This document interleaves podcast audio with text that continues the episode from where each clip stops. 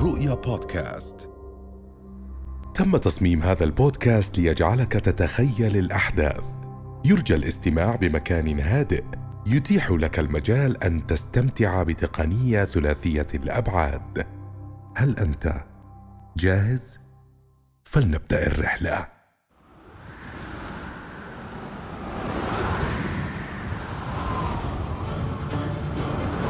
للوصول إلى الهدف. يقطع أبناء قبيلة غورونغ في قرية تشيمتشي النائية في نيبال مسافة تبلغ حوالي ستة كيلومترات. يحملون معهم المعدات اللازمة لمواجهتهم الخطيرة والمميتة أحيانا. ففي هذه المواجهة مات الكثيرون منهم. وكما تفعل كل الأمم مع أبطالها. فقد أطلقوا على هذه المنحدرات أسماء من رحلوا في سبيل مهمة تمارس منذ القدم. وعلى الرغم من أن هذه المهمة انتقلت من حضارة إلى حضارة لكن المكان بقي ثابتا. إنه جبال الهيمالايا.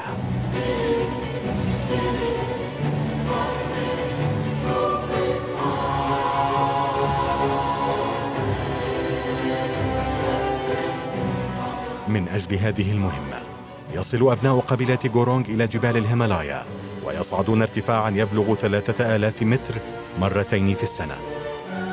واحدة في الخريف وأخرى في الربيع. تجاوزوا الأصعب ولم يبقى سوى درجة ثم درجة ثم درجة. على رحلة استغرقت ثلاث ساعات مشيا على الأقدام. وها قد وصلوا إلى مكان المواجهة التي جرت للمرة الأولى عام ثمانية آلاف قبل الميلاد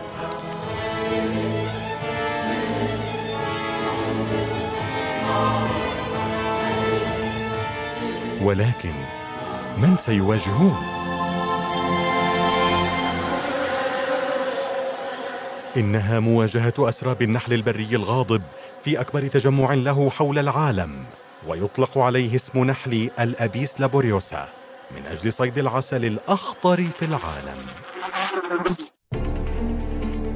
يبدأ التحضير للمواجهة باستدراج النحل وذلك من خلال قطع الأشجار التي سيضرمون النار فيها.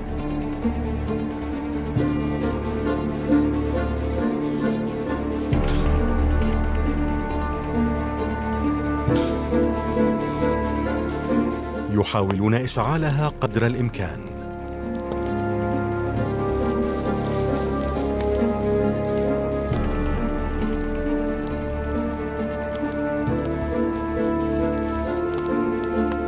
فكلما تصاعد منها الدخان أكثر سهل ذلك عملية تشتيت النحل وخروجه من خلاياه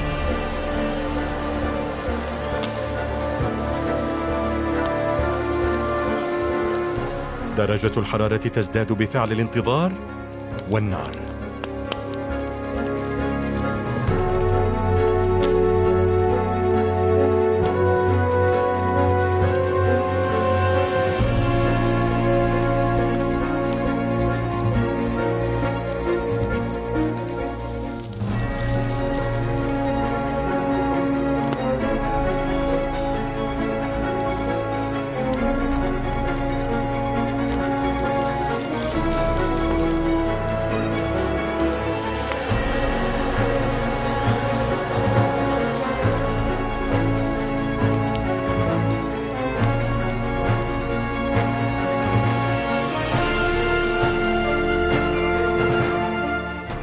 هنا تبدأ عملية رمي الحبال من أعلى الجبل حيث توجد خلايا العسل.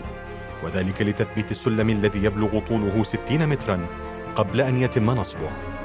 فثباته أول الطمأنينة. وروح النصر بين يديه.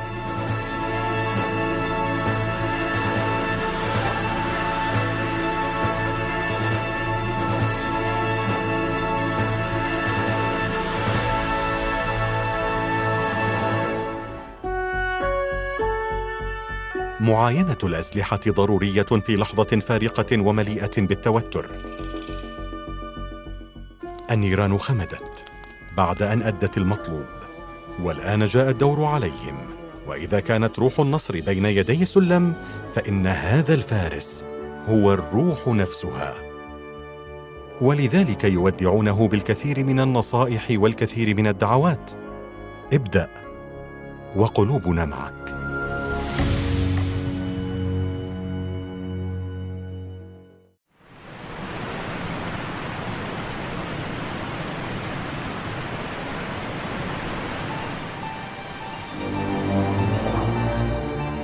يستخدم أبناء قبيلة غورونغا الأسلحة التقليدية ذاتها التي استخدمها أجدادهم من قبل ليستخلصوا العسل ممن أنتجه. وهي بسيطة. لا تتجاوز السلة والرمح والحبال الطويلة. إضافة إلى غطاء لا يقي لسعات النحل لكنه يخفف منها.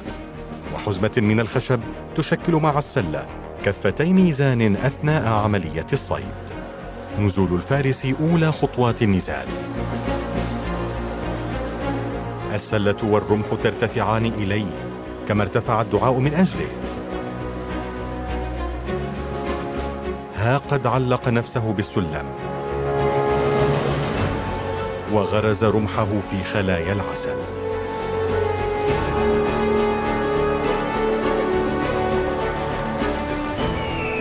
كمية العسل في الموقع الواحد قد تصل إلى 60 كيلوغراما. عملية الصيد بدأت الآن.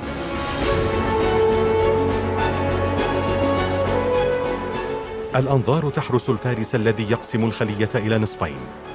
فيبقي الجزء الذي يحمل عسلا والذي سيكون طعاما ودواء وأما الجزء الذي يحمل الشمع فسينزل إلى الأسفل لكنه لن يذهب جفاء. من خلال السلة يبدأ بجمع الأجزاء التي تحمل العسل مخفيا خوفه فهذا المفتاح الأساسي لمواجهة النحل الذي يحرس الخلايا. فكل خلية محروسة بستين ألف نحلة.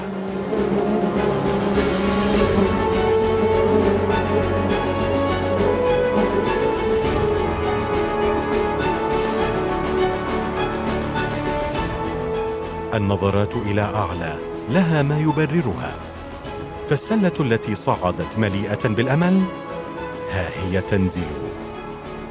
مليئة بالعسل.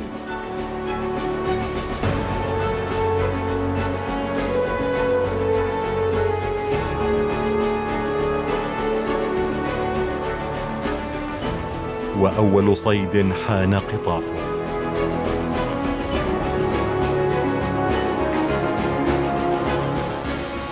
من أجله كان الرجاء وأجمل الفرح ذلك الذي يأتي بعد عناء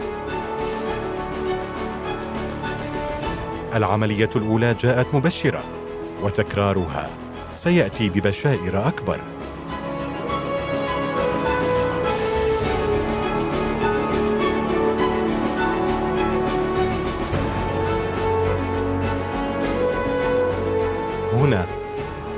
وعلى الجهة المقابلة. فالعملية تتم في أي مكان تتواجد فيه خلايا العسل.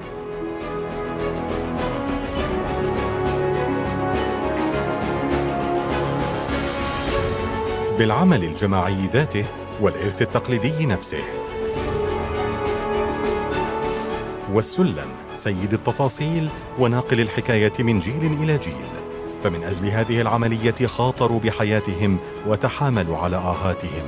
املا بالحصول على الصيد الثمين فرسالة هذه القبائل وأكبر مهماتها تنتهي حين يصير بين أيديها.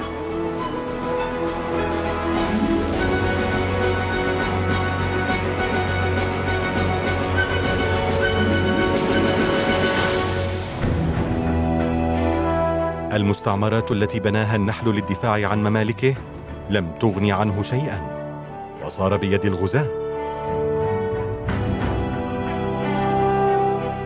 يبلغ محتوى المستعمرة الواحدة حوالي 15 كيلوغراما من العسل. المعركة انتهت بالنصر الذي خفف الإصابات والجراح. وقد آن للمحارب أن يرتاح. فيما ينشغل غيره بجمع الغنائم فسعر هذا العسل يساوي خمسة أضعاف سعر العسل العادي إذ يصل سعر الكيلوغرام الواحد منه إلى 175 دولارا. أما الشمع فيستخدم في صناعة الحرف اليدوية ومستحضرات التجميل.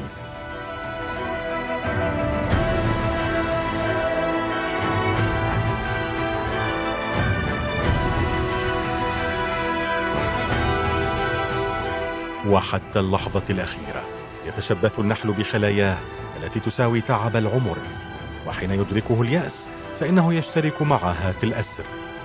فقد صار ملك الغزاة الذين استولوا عليهما وقضي الأمر.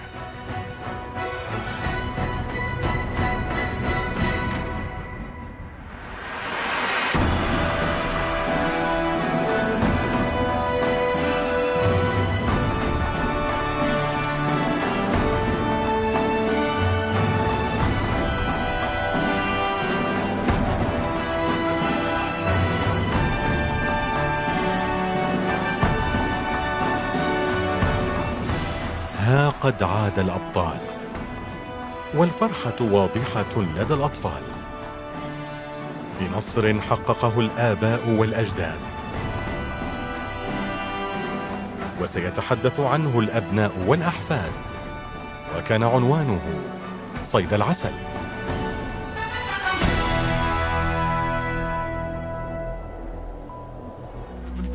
هل بدأت تشعر بعدم وضوح في الرؤية الآن؟ هذا يشبه تماما التأثير الذي يتركه عسل الهيمالايا. فكما كانت طريقة جنيه مختلفة فإن آثاره مختلفة أيضا.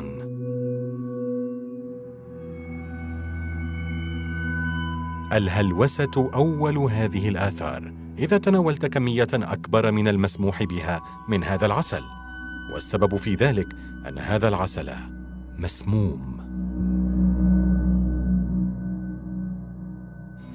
فالنحل الذي ينتجه يتغذى على رحيق أزهار الرودودندرا التي تحتوي على مادة سامة تسمى الجرايتوكسين رغم اعتبار الرودودندرا الزهرة الوطنية في نيبال.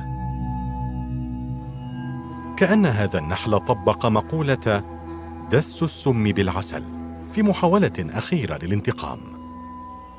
هذا العسل المهلوس والمسمى بالعسل الأحمر ينتجه النحل في فصل الربيع فقط. وهو الأعلى جودة من بين العسل الموجود في جبال الهيمالايا. ويتناول السكان المحليون ملعقة واحدة منه صباحا لاعتقادهم بأنه يعطيهم المناعة ويطيل في أعمارهم. ومع اعتقادهم بأهميته فإنهم يؤمنون بضرورة تناوله بحذر لأن تناول ملعقتين أو ثلاثا منه سيجعلك في حالة هذيان وانتشاء وبين النوم واليقظة. أما إذا زدت عن ثلاث ملاعق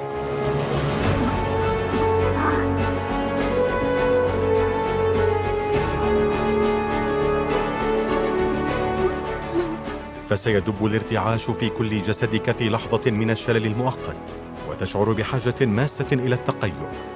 وكلما تغلغل السم في جسمك زادت الهلوسة فزادت الأعراض أكثر فأكثر.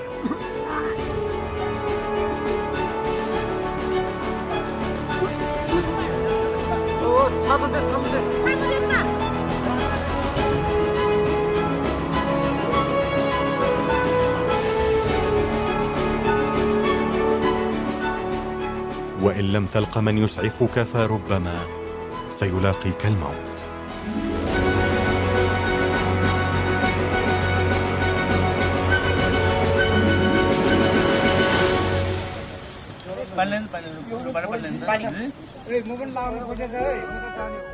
الأمر لم ينتهي بعد. فرغم الإسعاف ستظل الأعراض مستمرة لفترة قد تصل إلى ثلاثة أيام. التقيؤ سيستمر وزعيق النحل سيستولي على سمعك كأن النحل استقر في رأسك. ستبقى بحاجة لمن يقودك لأن نظرك سيدخل في حالة شعورية غريبة فتارة يرتد البصر وأخرى ينعدم.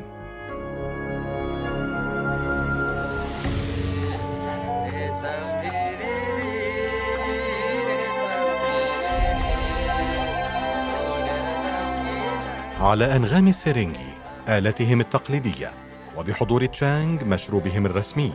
تبدأ احتفالات قبيلة غورونغ بموسم صيد موفق.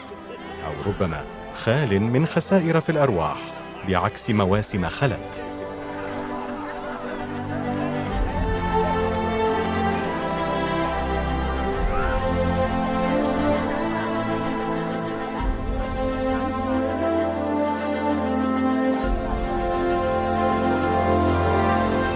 رواية الفخر التي كتبت منذ آلاف السنين. ما زال لها فصول وصيد العسل ما زال سيد العادات والأصول. الدهشة بقيت حاضرة والفرح ظل متواجدا.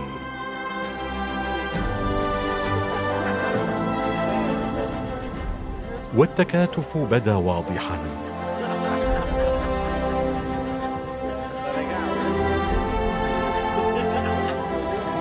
والاعتزاز كان العنوان الأبرز. كل ذلك جعل الإصابات من الماضي.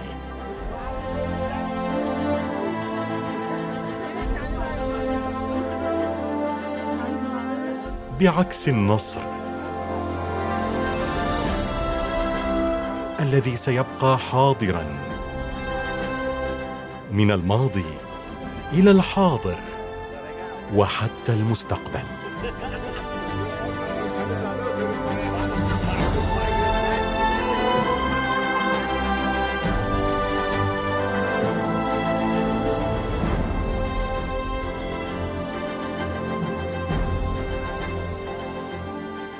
بدأت المرحلة الأولى من صيد العسل بالعمل الجماعي.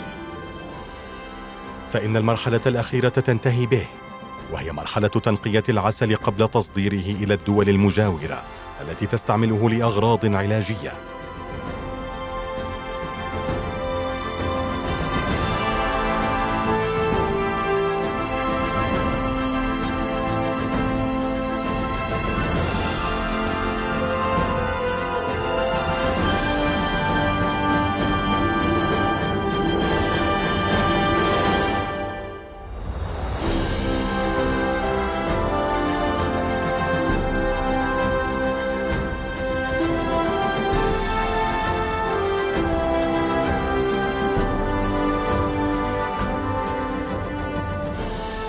اليد التي تصنع تاريخا وحضاره هنا تصنع تاريخا وحضاره مختلفين هناك. وبين هذا وذاك ستبقى المعرفة منقوصة.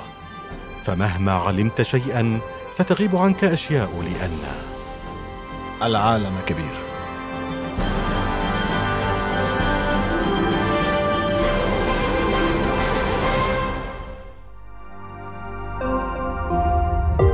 رؤيا بودكاست.